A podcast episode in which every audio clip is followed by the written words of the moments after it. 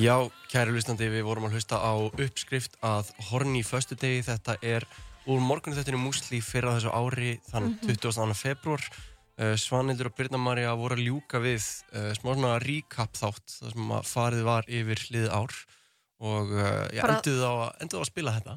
bara þátturinn uppgjörið það er bara, og það var svo, það var svo beautiful ég var að hlusta á þetta, það er bara byrjuð á sko, ávarpi útvarstjóra Já, já, já, svo endaður í hornin fæsara og þetta er svona fallelega til að ljúka hringnum nákvæmlega. en nú er næsti þáttur að byrja Næsti þáttur að byrja, hann er svona, þetta er svona nýr liður sem er búið að vera í þróun sístu vikur. Það er hún Ingeborg Eða sem að er mætt til leiks, verður velkomin. Takk kærlega fyrir. Ég er uh, gífurulega spennt en jáfnframt uh, mjög stressuð að koma í lið dagsins þar sem að uh, ég upplýði mikla pressu frá uh, samstarfsfélögum mínum.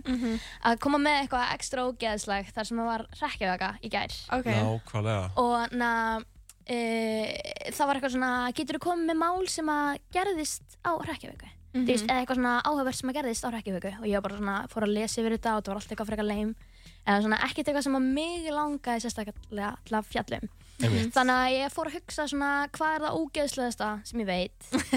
Og ég bara bara mikið að hlutum. Já, andjóks, reyndar ég En eitthvað sem ég get fjallað um í útvarpi Og það var bara eitthvað svona Ok, þessi tvö mál sem eru einu málin sem ég hef svona rampað á annarkort í einhvern svona hlaðvörpum eða Facebook-vídeóm eins og setna máli sem að eru það ógeðsleg að ég hef bara svona heyrt smá af þessu og bara ekki geta sopna nóttina eftir já, ok, Ok. og hérstu þetta fyrir vöku í Já. gær eða?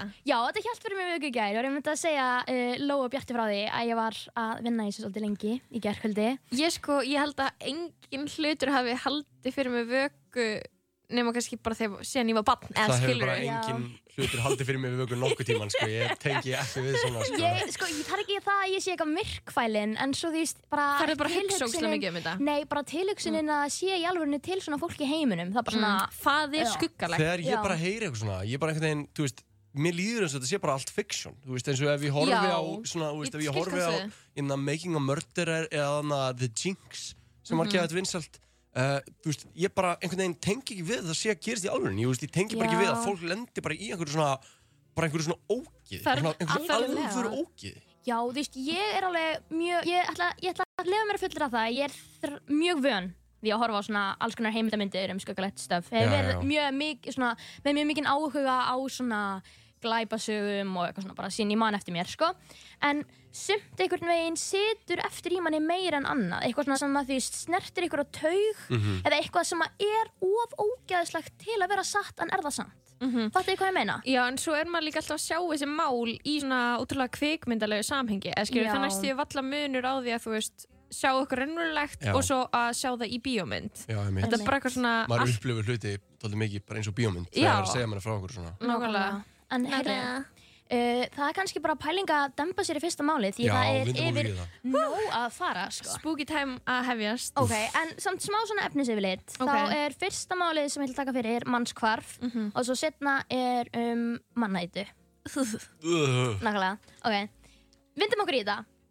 Gerum það Þann 1. apríl árið 1988 í Fort Wayne í Indiana Allir ógæslega hlutir gerast þar, sorry Byrjar vel Indiana var hinn 8 ára gamla April Tinsley að leika við tværar vinkonu sínar í nágranninu. Hefðið þið hýrt um þetta mál?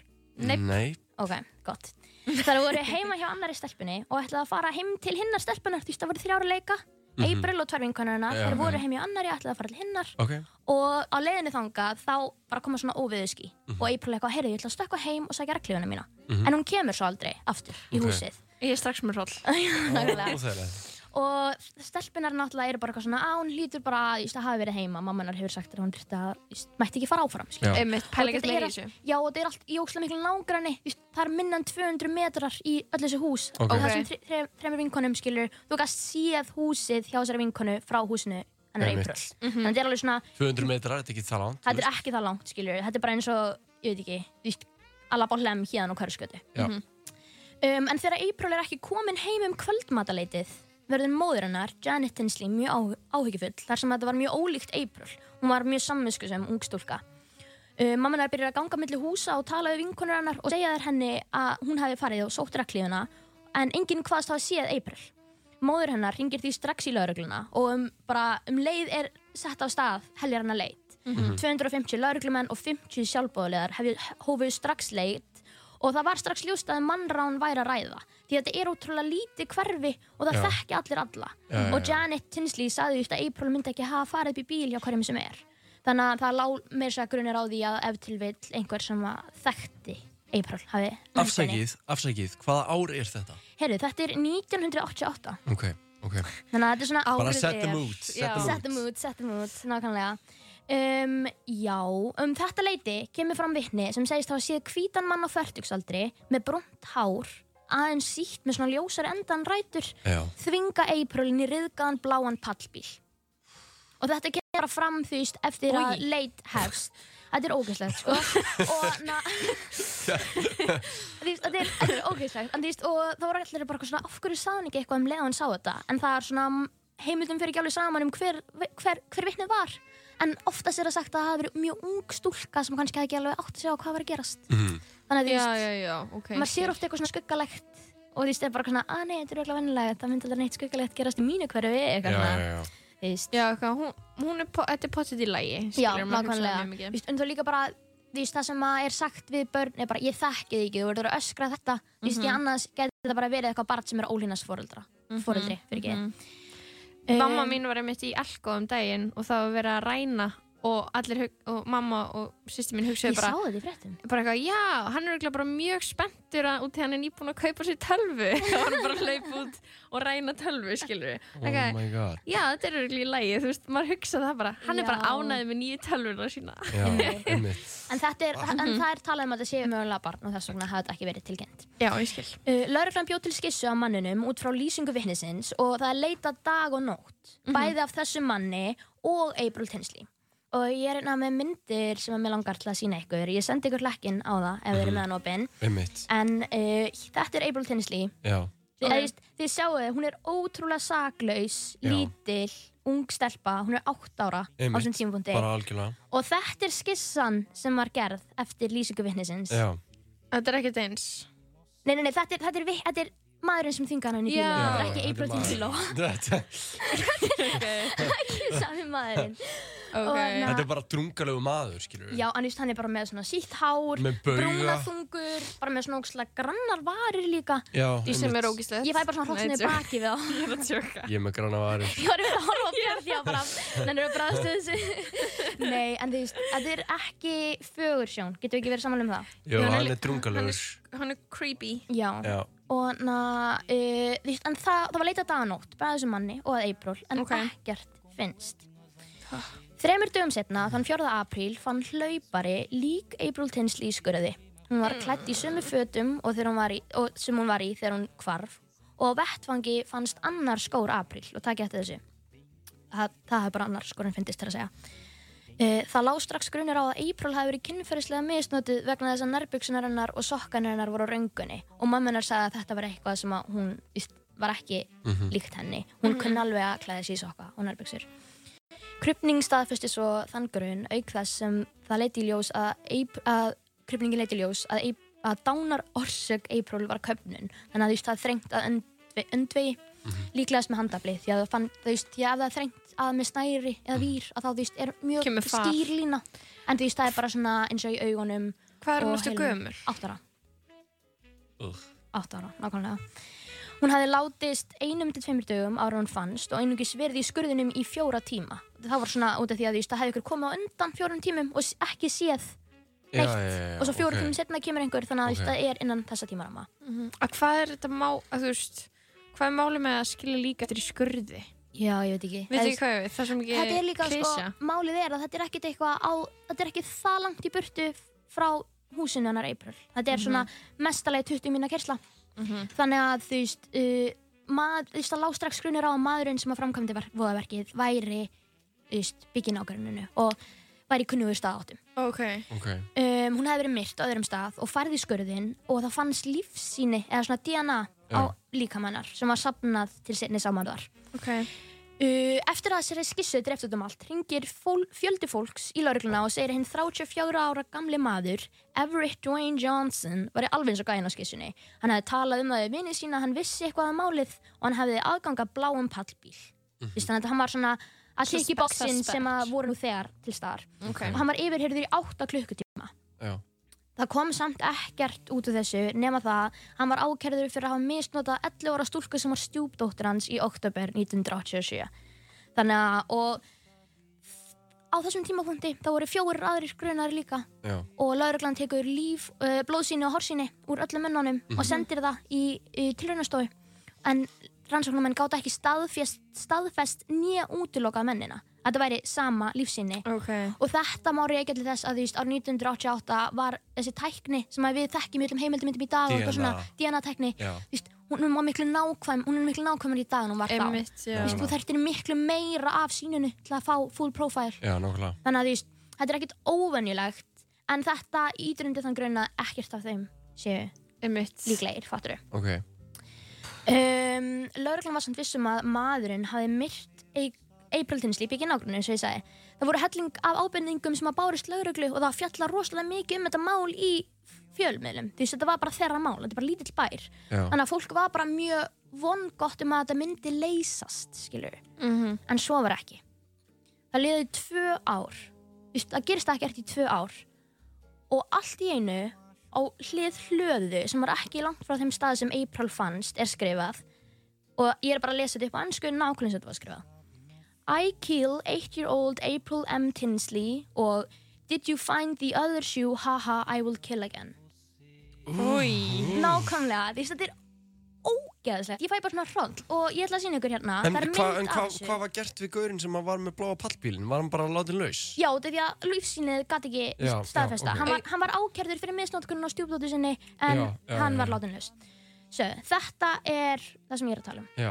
Og Ég hér get sjáum við séð bara... Já, það er bara búið, þetta er bara eins og þessi bara, þú veist, teika hann bara með blíjandi á vegga eða eitthvað. Nákvæmlega og það er sko, þegar þið fara að tala við vitni í málinu, þá segir strengur sem að býra nágrunni hafa Já. séð einhvern mann í kringum hlöðuna oft á síðustu dögum. Ok. Og alltaf í hver skipt sem að maðurinn kom, þá var þetta aðeins stekkra. Vist var skriftin aðeins stekkri, það er hann fór að aðtöða máli. Mhm. Og þá var svona, fann svona pakki af vaxlitum, crayons, við hliðin á hliðinni Mhm. Já, og það já. hann alltaf verið að fara ofan í aftur og aftur. Já, Og já, það er já. skrítið. Já, það er mjög sækó. Já, það er, og, og, og því að hann sé bara ok, það er enginn að taka eftir þessu og fer aftur til að fylla inn í þetta, svo einhver myndi taka eftir Og þú þessu. betur væntalega tekur enginn eftir í eitthvað sem þú skrifar með vakslitum. Já, en.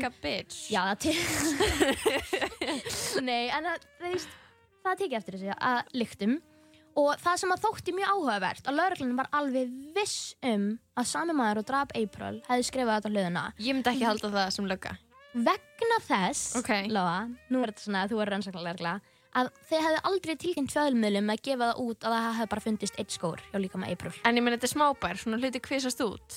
Dun, dun, dun. Já, Dun, dun, dun. En þetta er samt sko Ég myndi bara gera ráð fyrir því Því að þú veist, eins og það hefur þú veist, Þetta er svona algengasta tilgátan um af hverju þau voru vissir um að það hafi já, já, verið já, það. einmitt. En það gæti líka verið að þau hafi fundið lífsýni á vakslitunum sem þau hafi svo borðið saman Þannig að þú veist það er svona, já, En já, lauruglun ok. okay. er allan vissum að þetta sé saman gæ Ok. Og maður verðum bara að hann því Við, við göngum út frá því. Já, já, já, út af því að þeir eru líka, lauruglan býr oft líka að upplýsingum sem þeir gefa aldrei út til að gæta rannsóknarhagsmuna. Einmitt. Nákvæmlega. Ok, um, víst, og það, núna eru lauruglumenn ótrúlega vongóður á að ná að, hams, að hansama morðingi April, en Já. allt kom fyrir ekki. Uh, Það líða 14 ári viðbót. Það gerist ekkert í 14 ár. Mhm. Vorið 2004, 16 árum eftir að April var myrt, Já. fundust fjögur bref viðsvegar um Fort Wayne.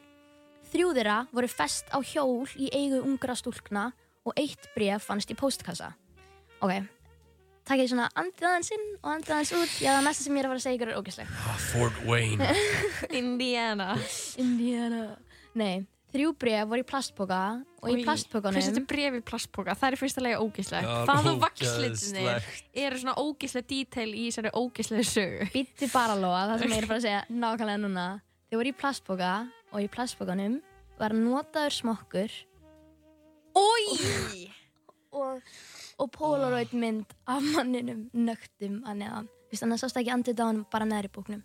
Ói bara og Nú verði ég að hlusta lag sko. Ég get ekki ok, ég ætla að klára þetta um þetta hérna ég ætla að segja ykkur hvað stóð á meðanum og svo getur þið farið í lag, ok Bjartur er að deyja Er mega kvef og það er einhvern veginn allt bara allt eitthvað hálfskrítið. Ég er að kúast ok, en sko Maður fær óbræði minnin já, ég veit, og eitt brefið þetta er hérna, hér eru brefin þetta er eina brefið sem hann byrti heilsinni það stendur Hi honey, og þetta sko með tveimur tveimur óum I've been watching you. I am the same person that kidnapped and raped and killed April Tinsley. You are my next victim. If you don't report this to police and I don't see this in the paper tomorrow or on the no local news 07 I will blow you up. Ói bara.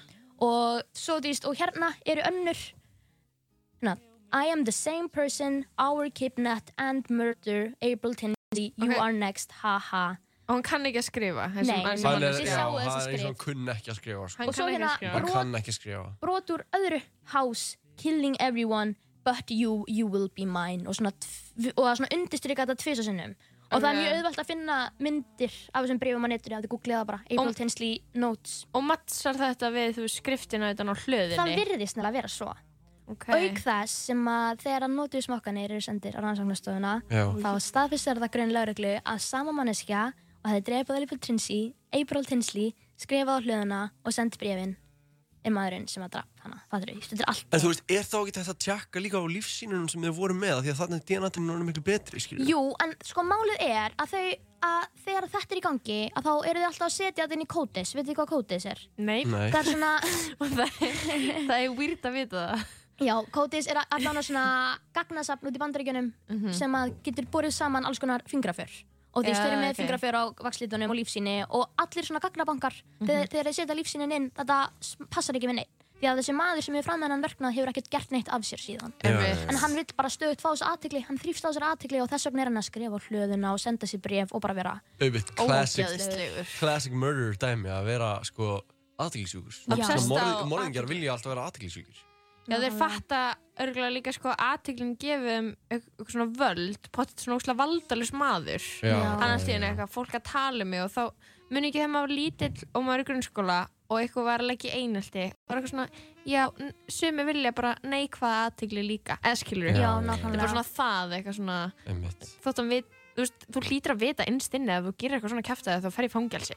Já, Er það ekki? Jú, Jú. jafnvel sko og líka þú veist, Jú, og einmitt. það, það er svo mikið sem að fer í að reyna að leysa þetta mál og einni Polaroid myndinni Mhm. þá sést í rúmteppi og þeir þú veist byrta bara þennan hluta og þetta er mjög svona sérstakt rúmteppi þú veist, við, það er ekkert allir með svona ég er að sína ykkur mynda þessu núna, sjáðu þetta Hvernig Þetta er er svona, umtöpp er þetta? þetta er svona grænt parsley mynstur og þeir fóar fara á öll mótel, öll hótel og gistiheimili og finna hvergi svona rúmteppi. Já. þannig að það staðfistir ennþá grunn þeirra ennþá frekar að þessi maður búi í nágranninu og hafi aðgang upp og þetta sé heima hjá Já, honum. þetta er heimahús. Já, þannig að já að þessu sögðu ef við þá ekki bara dempa okkur í lag.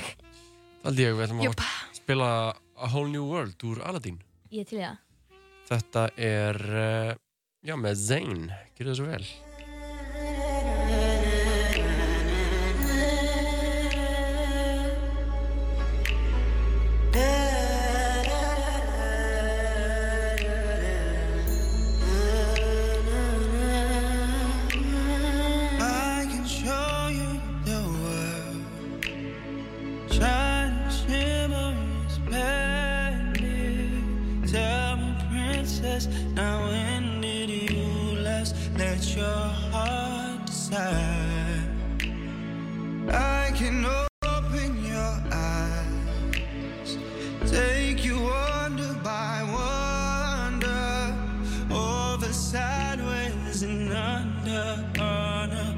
magic carpet ride.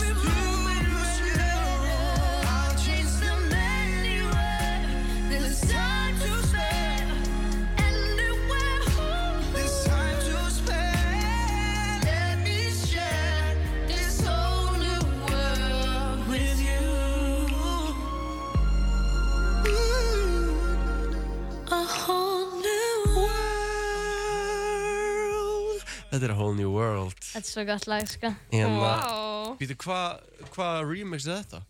Þetta er uh, lag sem var gefið út hana, nýja Aladdin myndin, eitthvað. Er- eru þið búin að sjá Já, já, hana? Nei, Ég er ekki búin að ekki sjá búin hana, að sjá hana en þessi upprunalega myndin á svo mikinn stað í hjart, stóra stað í hjarta mínu að ég heyrði þetta um daginn og ég var bara, þetta er svo ógislega sem- cozy. Þessi mynd líka nýja fjakk eitthvað, frekar lélega að dóma og ég held að hún sé bara eitthvað sökuð sko Síðasta mynd sem ég fór á í bíó var hana undir halastjörnu og hún, og mér leið svo illa eftir hana að Já. ég bara fór ekki aftur í bíó. Undir halastjörnu, hvað er það? Æ, það var íslensk kveikmynd sem kom út uh, Fyrir í- tveimur árum eða eitthvað, einu ári. Fyrra. Er það Ég síðasta hef mynd sem ekki- þú fórst á í bíó? Já, ég fer aldrei í bíó. Ó, Ég fór bara, ég fór á hana Everest með Baltzarkormagi Já, og fór svo Það er ekki svona í eins og að ferð á fjagra ára fresti Já, í bíó fjögurra eða ára hvað fresti í meinar bíó. Everest bara Ég fór á Everest og svo Og fór ég á undir halastjörnu. Avatar eða þú veist, hvernig? ábyggilega, eða er Journey to the Center of the Earth Oh my held ég. god. What? Ég fer ekki Ég fer er ekki í bíó. Ég fór sinni, ég fór einu sinni á svona jólapartysýningu á Harry Potter í Bíóparadís annars bara. Ég held að ég sé búin að fara í bíó flestar vikur í yfir fimm ár Já, þú ferð ógísla mikið í bíó. Já. Ég er svona mitt á milli ykkar begja sko. Ég Ég- er svona tve- einu sinni í mánu Ég horfi bara ekki á bíómyndir yfir höfuð. Ég er bara hlusta á lagverp og horfa á þætti sko. Ég bara, ég tengi ekkert við bíómyndir. Mér finnst það bara að vera búið svo fljótt og þá vístu bara sögur þráðurum búin skilur Já, já, svona- Ég vildi frekar horfa á bara fimm seasons af ykkur Nákvæmlega, andjóks Ég skil, ok, hvar erum við í þessu blessaða Ashley Tinsley máli. Ashley Nei, Tinsley April Tinsley. æ, sorry. Ekkert Ég mál. vissi að það var eitthvað s- Já, ekkert Anna, mál. uh, Erum við stödd í þessu máli? um, Það síðast sem ég sagði var að e, árið 2004 að þá þú veist hafði hann skilja eftir þessi bref og eitthvað. Hann skildi eftir bref með notuðum smokki og hjá Polaroid litlum stelpum og Polaroid dick pic. Já, og illa skrifum brefum Þetta er eitthvað viðbjöður Þetta er nefnilega viðbjöður og þetta, þú veist, og Lóa saði mig í miðlagi, hún bara, ok, nú skil ég okkur að þú sast ekkert í nótt. Og ég bara, Já. ándjóks Ég held að Allavega. verði eitthvað svona að tala um eitthvað svona dæmi sem einhver stakk eitthvað og maður er eitthvað, já, Nei, Var þetta ekki líka eitthvað svona, átti ekki að vera eitthvað svona spooky en þetta er bara svona, bara svona Viðbjöður. disgusting er, þið sögðu mér að koma með eitthvað ógeðslegt en bara- máli meira spooky líka, Þetta er þannig bara, að þetta er bara gott, ég bara, þetta ég er var, allt í lagi Við erum ekkert að segja sérstaklega að gera þetta vel Þú að ok. þetta mjög vel don't try to do my job Ok. það líða R.I.P. headphone users ok, það líða fimm ár og áriði 2009 þetta er bara recent tíu ár síðan. Já, shit. FBI setur saman sérstakt lið eða svona, það er sérstakt lið innan FBI sem að vinnur að barnamorðum og barnaránum. Og þeir vinna annarkort að ykkur sem er nýskeið eða einhverjum málum þar sem að það þykja mik nógu mikið upplýsingum líka fyrir að hægt sé að leysa máli Mhm. og þau setja upp svona behavioral profile eins og Mindhunter eða þannig. Já. og í henni stendur þetta er hvítur karlmaður á aldrinum 40-50 ára. Hann er umskorinn samanber Polaroid myndir. Hann býr í Fort Wayne og er í lágluna starfi hann væri a preferential child sex offender sem er svona uh, ég reyna að orða þetta sem mestan svona á Allt í lagi, Já, se- því- segðu bara hvað Þetta þetta er bara- þýðir. kynferðisbrótamæður sem að laðast að einhverjum ákveðni típa börnum. Og hann laðast klárlega að ungum stelpum sem hafa ekki náð kynþróska Já. á aldrinum 5-10 ára. Mhm. þannig að þetta er svona hans fantasía sem liggur þarna sem er náttúrulega, þú veist, þetta er, þetta er ógislegt allavega. Einnig var talið að hann væri með skrifblindu sem er ólæsileg rítönd, mismikið bil á milli orða og setninga. Hann getur ekki áætla pláss á blaði fyrir skriftina sína, bara veit ekki Það er svo heimskulegt maður. Já, en Það er svo Já, en ég meina þið sáu í hljóðuna þetta var alltaf eitthvað svona uh, uh, því Já, þetta var það eitthvað er svona veist, og hann er með slæma stafsendingakunnáttu og hann getur ekki, hann getur stafsett sömu orð á mismunandi hátt. Eins og kom framkom í brefinu og skrifa hann því stundum skrifur hann hi húni og stundum skrifur hann hi honey. Já, já, já. Og hann skrifar stundum Hi April Húni húni Nei, og stundum skrifur hann April A-P-R-I-L eða ekki? Og svo, svo stundum skrifur hann April-O-L einhvern veginn, April veist, hann, Ok, hann bara kann ekki skrifa Nei, og þú veist, margir held hann væri að feika þetta innan gæsalappa Þú veist, Já, það reyna að já, já. fyrir sér Já, já, já Eh, Svona er fyrir alveg ekki að lögreglu. gáfaður og Já. góður að skrifa En Góður penni. Góð rítur. Rítufundur Fyrsta með margar one. bækur. Balla. Ói. Ok. Na, og veist, Akkur er að hlæja þessu. ég veit það ekki, en maður þarf að hafa húmor fyrir hlutunum, og líka, þú veist, Barnaníði. Nei, hættu, Lóa, ég er ekki svona vond manneskja. Þetta er bara... Nei, ég er að meina því. Nýju edgi uppistandarinn. Það má ekki að grína barnaníði. Maður verður að geta að hleyja að því. Nei, maður verður því, það er svona ákveðnir hlutir í þessu máli sem að því, maður verður að hafa húmor fyrir, eins og þessi stafsetning á hluðinni. Um, sama ár tekur þátturinn America's Most Wanted fyrir málið Ok. og segir frá morðinu á April Tinsley og um, það voru margir sem að byggja í Fort Wayne sem að koma ímsar ábendingar Fort Wayne. og Wayne en þú veist, það gerist ekkert Mhm. þremur árum setna, 2012 gera þær svona rerun á þessum þætti og svona uh, byrja aftur að tala um málið Ok. og koma þá með 2000, nýja- og- 2000 hvað sagður? 12 Já, 12, ok. Og þá koma þær með nýjar upplýsingar sem hafa aldrei verið gefnar út áður til að reyna að fá eitthvað líf aftur í Já. málið því að Ok. þarna eru hvað uh, 23 ára eða eitthvað sína málið var Mhm. fyrst Akkur í bandaríkjarum alltaf nota svo mikið eitthvað sjónvarp og, og pop culture til þess að Til að segja glæpum. frá einhverju svona. Já, eða ég meina, skilur þetta er til bara að svo leysa hræðilegt. glæpi Æ, eins og þetta er serial sko- og eitthvað, skilur Já, Já. einmitt. Þetta tíðkast meir út í bandaríkunum, þetta tíðkast ekkert á Norðurlundunum, held ég a- ekki að ég Nei, veit. eitthvað svona ólisti glæpir, eitthvað, æ þú veist, eitthvað svona Það er bara Ah, markhópur fyrir þessu Já, og líka þú fólk veist, fucking dyrka Nei, þú veist, ef það fara aðtegli og hæp þá er alltaf einu líklega að stjórnvöld taki við sér, það Já. er alltaf eitthvað hæp eitthvað upp í popkultúr og þá verður það nógu mikið mál til að leysa. Já, ég meina, en í bandaríkunum er líka ótrúlega mikil spilling, þú veist, Mhm. inn, innan lauruglunar oft.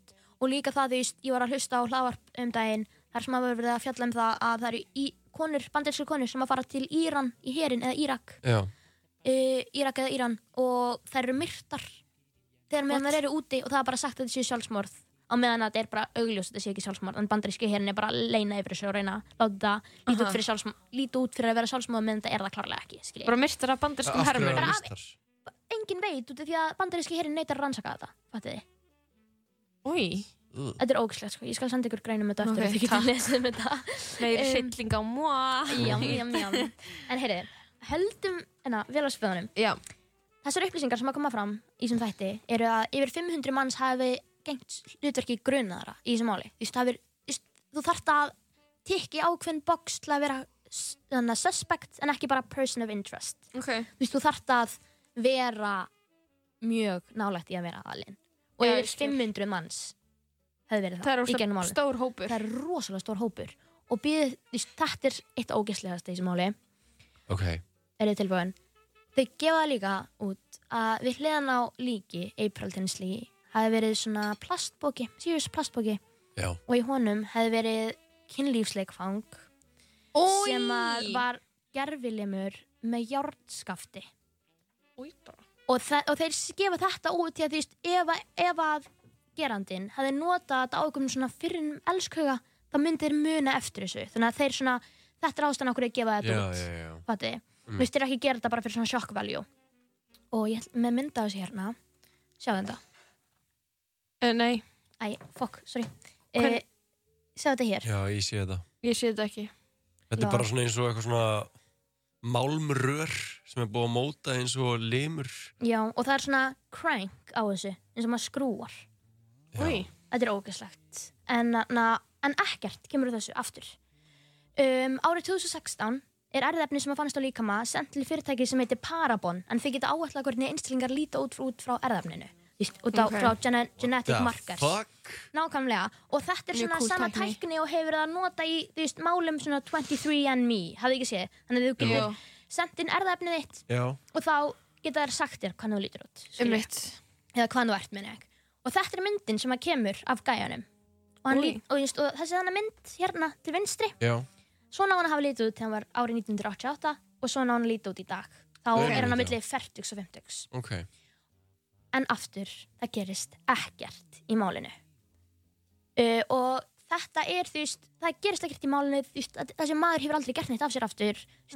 Það finnst ekki neitt um mannin árið er 2018 Guð The fuck? já, 30 árum setna og ný tækni í DNA-rannsóknum í glæpamálum kemur fram á sjónasvið og þá, er, þá fara lauruglumenn að nota síður eins og 23andMe og. MyHeritage og þessar síður senda svona bómullapinna þú getur strókið inn úr kinninni og senda til fyrirtækisins þeir greina erðaefni og greina ætternið þitt By the way, Fattarðu? alltaf á leiðin að kumma þetta en Já. allavega Býtu, en þetta er samt svona bara leið fyrir bandarísku ríkistjórnar sem, til þess að vera með aðgang á erðafninu út af því að þessi fyrirtæki það. selja Sum ríkistjórnin fyrirtæki hafi verið að gera það í þáu almannahagsmuna samt því að þú veist, þá geta þeir, ef þú sendir inn erðaefni fatturu, bara Mhm. þetta er erðaefni sem að fannst á stúlku sem var drepin, sem að, var myrt og var nöðgað Mhm. uh, er einhver í ykkar gagnakerfi sem að er skildur þessum einstaklingu á einhvern hátt Já, já, já. og þetta gera þeir og þetta er líka notað í Golden State Killer málinu, hafðu ekki hert um það Nei. Ná, Nei. hann var hansamar fyrir tveimur árum. Já, hann var bara svona einn allræmdasti fjöldamarðingi bandaríkjana já. bara engin leið að finna hann. Og svo var þessi tekni notuð og hann var fyndin og það var bara Oh my þetta er god. stærsta break bara í svona cold case Fuck. nokkuð mann hefur verið í bandaríkjunum. Og hann heitir Joseph D'Angelo. Þetta er ógslag höfört, ég mynd mæla með að Oh my god. Hann er ákveður fyrir 13 morð, 50 nöðganir og yfir 100 innbrot. Új, what? what? nákvæmlega, Hvernig hefur þið tíma alltaf að gera þetta allt? en allavega Ok, eftir 30 ára byð m- passar erðaefnið sem fannst á April Tinsley við tvo bræður í gegnum síðu sem heitir Judd Match. Og Oj. þessi síða nafngreinir tvo bræður. Þeim þótti strax annar vera líklæri út frá persónu enginum og svona Já. bara persónuleika og þeir hófu strax skipulagt eftirlit með manninum. Og eitt sem er verðt að nefna er að veist, að- úr bandaríkunum að þú hendir einhverju rusl, ruslið að þá er það almanneign, fattur þannig að ég myndi henda einhverju þannig að þú veist, lauruglan nýtir þetta, sér- lítir þetta sér oft til, Til að að safna erðaefni frá einhverjum til að geta Uh. nota gegn þér. Oh, Og þetta er það sem þeir gera. oh, þeir fylgja þessum manni eftir taka notan smokk úr ruslunans bera það saman og það passaði. Eftir 30 ár var maður að nafni John Miller 59 ára, vann í mall Walmart stoppaður lauruglunni og ákærður fyrir morðið á April Tinsley. Oh my Új, bara god Þegar á lauruglustöðun er komið, játur hann að hafa rænt April Tinsey, kyrt hana til dauða með handabli, nöðgað og misnotað hana og skilið líkið eftir í skurði sem það fann nokkrum dögum setna. Hva, Hann, hann heitir um hann? það. Þessi, hvað heitir hann? Hann keyrði um með það í að- Ég er búin að googla hann, hann er er- hvað heitir hann? Hvað heitir hann? John er hann. Miller Hérna, hann er líkur myndinni Hann er nefnilega líkur um myndinni. Sjöðu tenninar á honum Já Þú veist, Új. Þetta, er, þetta andlit bara hjælt fyrir mig vöku í nótt, sko. új, bara En já, við, op- við upphaf dómsmálsins í júli sagðist hann vera saklaus en í, uh, þetta var árið 2018 en í desember sama ár breytti hann frambyrðu sínum og sagðist vera segur.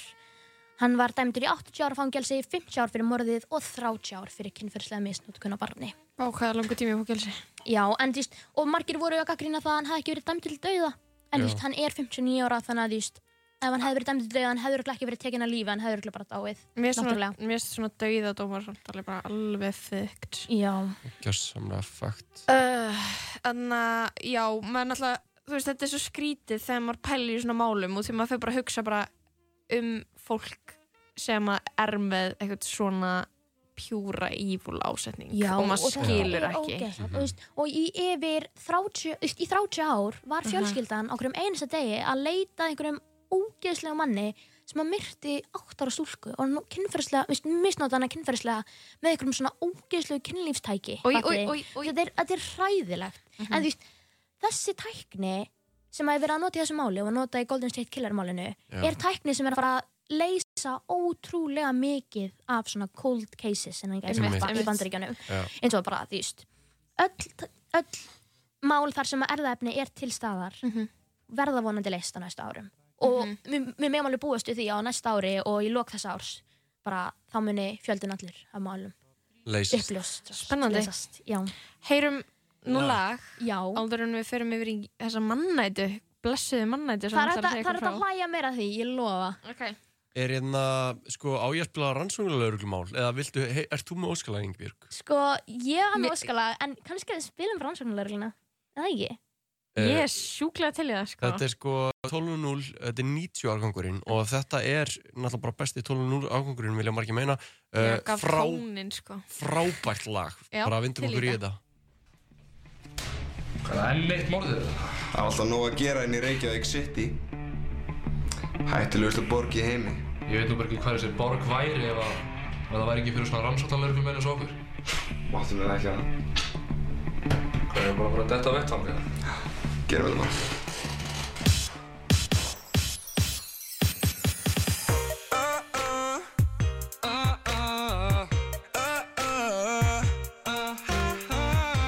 Þetta er tilenga öllum morðingjur maður núti. Passu ykkur, við erum að koma á aftur ykkur. Ef að þú ert morðingi þá skaltu hafa varana. Því að nú er hann sóknarlega reglan komin á stjá. Ef að þú ert að gera eitthvað að þið sem að ekki má. Þá komum við og skellum þér bak við lás og slá. Við skoðum grunsamlegt kurs, kynum saman alls konar rust Settum það í lítinn póka sem að renni til að loka. Við eigum alls konar dót, Vasaljós, jæpp, sólgliru, jæpp það vita allir að við erum. Rannsóknar lauruglan, við finnum morðingjan Og við hann sömum hætt er hann sóknar lauruglan Rannsóknar lauruglan Er aldrei langt undan til að leysa vandan Er hann sóknar lauruglumál Lauruglumál, lauruglumál Lauruglu, þetta er hann sóknar lauruglumál Lauruglumál, lauruglumál Lauruglumál, lauruglumál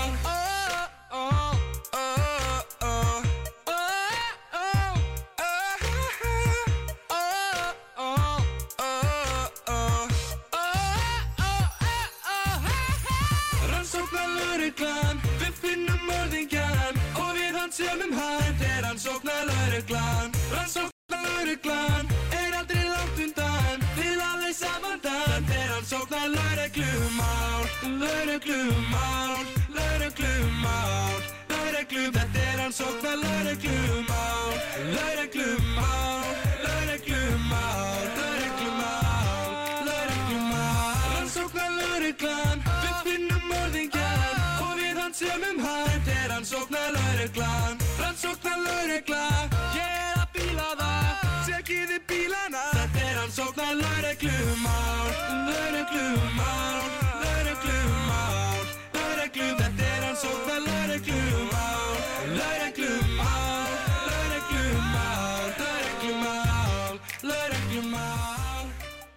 Ég held að við hefum bara fundið nýja þemalæði fyrir þáttinn, am I right?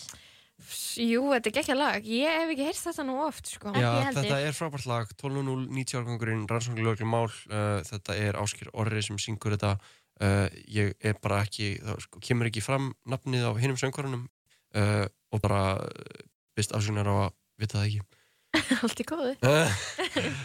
Já, en na, þetta er geggja lag. Ég, veist- ég hef aldrei heyrt þetta fyrir nú. Ég held að ég hefði kröfið tónlist 12.0 til hlítar á mínum grunnskóla árum, en Já, nei. þess, þetta fell í eitthvað svona Já. glemskunni tá. já, greinilega, en frábært lag sko. Geggja lag.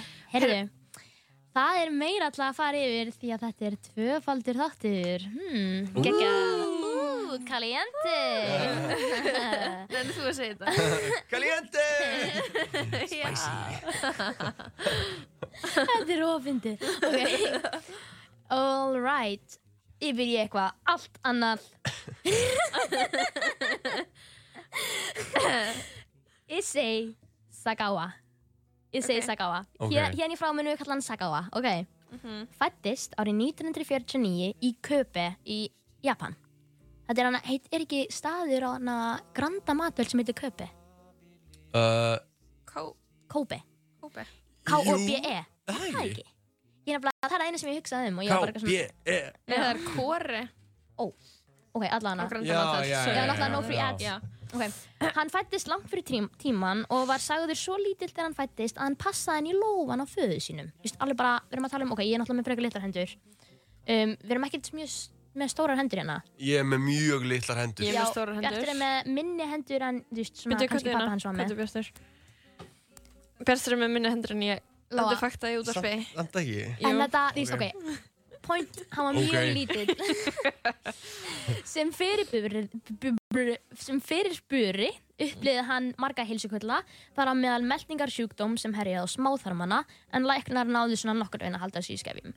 En hann var alltaf svona mjög veikburða lítill maður eftir þetta. Heyrðu, Þetta er greið ekki maðurinn. gott fyrirbura representation. Nei, en, þú Greyið veist, kallinn. en þetta er náttúrulega, ég, get ekki, ég ætla ekki að tala fyrir hönd allra fyrirbura, en þú veist, hann, þess, þetta hafði þau áhrif á hann, hann var alltaf Já. lítill og veiklulegur. Já. E, Sagawa sagði snemma hafa fundið fyrir því að hann var ekki eins og fólki flest. Hann var í fyrsta bekk þegar hann fann í fyrsta skipti fyrir löngun til að borða aðra mannesku eða svona cannibalistic desire eftir að hafi séð lærið á bekkjabróðu sínum Hann svo læri að bekkjumræða sín og var bara hann var ok, ok, já, eitt sem ég verða að segja áður en við höldum áfram. Ég var ekkert eitthvað svona að rampa inn á þetta mál bara svona að því bara. Ég var bara í slagleysi mínu einhvern tímann áður en ég fór að sofa inn á Facebook og það er til Vice. Vitið hvað Vice er, svona streymisveit Yep. eða svona efnisveita Já, já, já. þau byggu til 40 mínúna heimildamind um hann mann þar sem við bara tekið viðtal við hann. Ok. og bara þetta er það sem að kemur fram í þessu viðtali mm og þannig rampaði ég inn á þetta. Þannig að það er til mjög hrá heimildamind sem ég mæli með að allir horfa á því að þetta er the m- most disturbing thing I have ever seen in my life. Ok. Að hana hann játar einnig að hafa dreymt um að borða konur not in a good way og að hafa misnotað hundin sinn. Ah. þetta er svona uh, já. Ok, þetta verður finnara, þetta verður finnara, ég lofa. Ok, árið 1972 þegar Sagawa var 23 ára þá eldi hann hávaksna þýska konu heim til hennar braust inn í íbúðuna með hún svaf og ætlaði að eigin sögn að skera í burtu sneið af rassinum hennar til að borða Hún vaknar hins vegar við þetta og snýr hann niður í gólfið sem var ekki það erfið þar sem að Sagawa var 1.48 Hann var lítill og veiklulegur 1.48 Bjartur er í kasti Vinur, hvað ert að gera? Einhver hávaksinn þýsk ofur kona Já. að snúa niður Lilla frík Hún er fríkja Hún er frík, já. En já, hann var samt með svona blæti fyrir vestrænum konu Þannig að hann var alltaf eitthvað svona heldtekinn af þeim Creeping up on him. I love Yeah. him already Creeping up. Creeping Lítill japanskur Heldtekinn af vestrænum konum Hit me up Hann var Já, já. Hann var handtekinn og ákærður fyrir tilræðin til nöðgunar en Sagawa sagði aldrei lögreglunni frá því að hann ætlaði í alvörunni að borða hana. Þannig að hann, hann, honum var bara, svona- hann fekk svona smávægilegan dóm og bara lift aftur út. Um, árið 1977, þegar Sagawa var 27 ára, flutti hann til Parísar að leggja stund á bókmentir í Sorbonne háskólanum.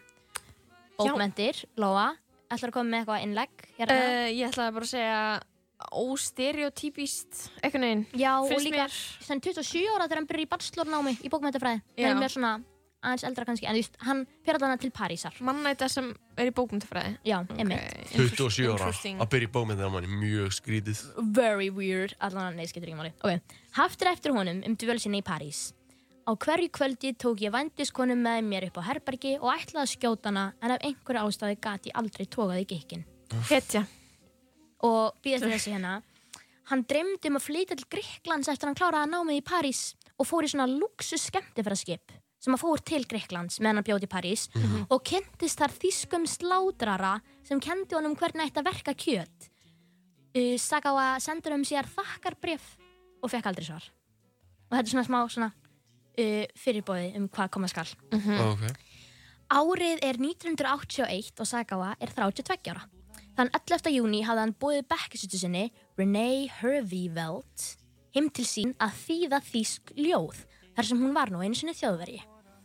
Hann ætlaði að myrða hana og síðan borða hana því að hann hafði, og hann hefði valið hana því hún var hraust og falleg á meðan að honum fannst hann vera veikburða, ljótur og lítill. Já Einmitt. Og hann ætlaði að fá orkuna hennar í sig. Akkur það maður að drepa eitthvað þegar maður ætlar að borða hann Já, ég skil núna Æ, skilji, ég var eitthvað að hugsa, þú veist, akkur vill hann eitthvað svona, þú veist, ef hann langar bara að smakka mannakjöt.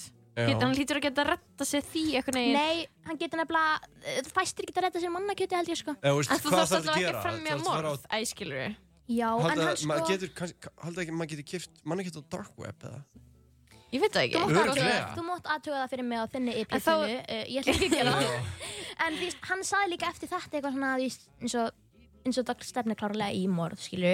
Hann saði því, kannski hefði það dugað mér bara ef ég hefði fengið að uh, fara einu sinni með hann, með hann í viðbútt út að borða. Eða ég hefði fengið að drekka þvægið hennar eða fengið að borða skapahárun hennar. Eða slefið hennar, eða eitthvað svona. Þannig er hann svona bara sick, skilji. Ok. Renee kom, settist við skrifborðið og hún snýri baki í Sagawa og byrjaði að lesa upp ljóð. Hann tók upp riffilinn og skaut hann í nakkan og hún dó samsundis. Æ, Hann segist hafa liðið út af en vaknað fljótt aftur vitandi það að hann þyrft að klára málið. Þvist, hann var hann var búin að reyna svona, svona mana sig upp í að gera þetta gett lengi búin að taka ykkur á vendiskonur upp á herbergi að reyna að fá Hann það og svo heldtegin af hugmyndunum að gera já, þetta. hann var ekkert heldtekinn að hugmyndin að myrða einhvern hann vildi bara borða einhvern og því þá þarf hann alltaf að myrða hann. Já, en þú veist, ég, það var það sem ég var alltaf verið mér, þú hlýtur að geta þú veist, br- brotist inn á spítala eða skilur eitthvað, Já. bara þú veist, fari Já, já, þú veist, eða langar svona En mikið hann smakka vill líka að koma fram, hann vildi borða eitthvað sem var fallegur og hraustur. Hann vill ekki borða eitthvað sem er gamall Veikur og er veikur deyja, og já, ok. er kannski með, þú veist, einhvern sjúkdóm eða eitthvað. Nei, hann, hann afklætt hana og nöðgaði líkinu og reyndi svo að býta í gegnum hold hennar. Nána tiltekið hægri raskinina en vinstri ra- raskinin er nær hjartanu og hann hvaðst vera hrættur við blóð. Fattiði? Já, Já, já, ekki já. Og þess vegna leið yfir hann út af því að hann var eitthvað svona, hann er svo hrættur við blóð. Hann getur ekki, Hann er meikar mamma þetta blóð. sem er hrættur við blóð Nákvæmlega. Þetta er já. ógeðslega fyndið, sko. Eða, þú veist, ekki fyndið, en veist, já. En þegar hann náði ekki að býta í raskininnar með tönnunum sínum, þá fór hann og að nota svona ávaxtanýf, gekk heldur ekki, þannig að hann skildi René eftir íbúðinu sinni, fór út og kefti svona butcher's knife, sem er svona langur hnífur, sem er svona bógin á endanum, þannig að hann getur svona krækt og svona. Já, já. Uh, Sagawa borðaði mikið af greið René, einna helst brjóstin og lærin, fætur, og lærin eða fætunar, en gemdi aðra hluta hennar í ískápnum á pappadiskum. Og hann sagðist ekki að hafa átt að segja á því að það var kemur feta á undan vöðva. Þannig að þú veist, þegar hann hafi skorið í rassin hennar, að það hafa hann eitthvað, það kom bara ekki að mikið á svona gulum kornum eitthvað. Ég vissi ekki, veist, eins og hann, veist, hann er bara, hann er svo, hann býr í svo miklu fantasi að hann langi bara í mannakjött að hann átti sig ekki eins og anatómíu líkamanns að það sé þú veist fita á þessum stöðum sem að hann langar mest til að borða og þetta sé kannski ekki bestu bitanir fattu hvað ég meina? Já, er fita sem sagt, finnst fólki sem borða kjöt fita ekki góð? Nei, þið vilja vantarlega bara borða kjötið Já, ég meina, þú veist, já. og fitan á kvennmunum á rassinum þetta er bara veist fita, það er þú veist, ég held að ekki það er ég alveg, hef þú prófað veist, sko það eru eitthvað svona tíu, meirinn tíu ára eitthvað sem ég borðaði kjöt, ég veit ekkert hvað fólki finnst gott við kjöt, æskilur Að þú veist, flestir náttúrulega fíla betur að borða bara kjötið. Já, en þú veist, kannski fitan á ykkur svona ribbæsteik Já. er kannski svona svona stór þetta er svona eins og legokall Já. fitan á rassinum á fullvaksta kvennmanni er kannski svona e, 30 cm nei, ok, ekki 30 cm, svona 15 cm þykkt eða eitthvað, skilur, þetta er miklu meira mm. en allavega, þetta er bara auka upplýsingar, hann bjóst allan ekki við þessu og hann tók myndir af öllum verknaðanum og öllu kjötin á diskunum var svona all the stages eins og hann sagði þú veist, á Polaroid myndavel. Uh, hann gemdi líkið inn hjá sér í þrjá daga, tók svo restina líkinu og bútaði í tvent við nafla og setti í tvær ferðartöskur. Hann lappaði með þær út, hóaði leigubíl og reyndi að setja töskunar í skottið. Hann var svo lítill og, þú veist, veiklulegur, hann gata ekki. Þannig að leigubílstjórin eitthvað svona hjálpa honum og hann eitthvað, wow, hvað er þungt, ertu með líkjana? Og hann eitthvað, nei, þetta er bara bækur. Og setur þetta í skottið. Og hann fer með honum að uh, vatni sem heitir Bois du Boulogne, held ég að þetta sé bara fram Glæsilegt og hann svona og hann, hann er svo heimskur því hann átti sig ekki á því að klukkan átta á sumar kvöldi í júni sé ennþá bjart úti þannig að hann já, kemur já. hjá vatninu og það er bara fullt af fólki í sólbaði og hann er bara ætlar ekki að disposa lík. Já, eitthvað hendað út í vatni og hann eitthvað svona, shit, eitthvað og fer á eitthvað svona afskiptan stað og rennir töskunum ofan í.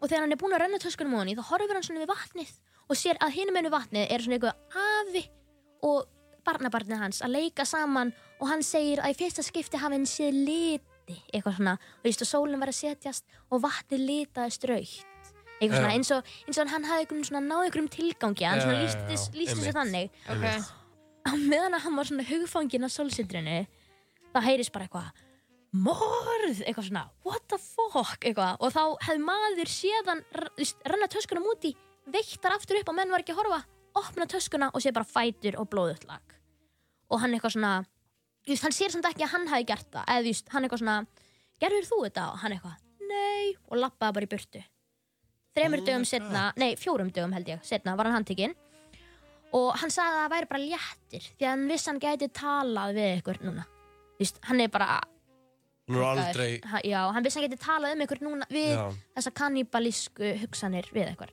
einmitt, já.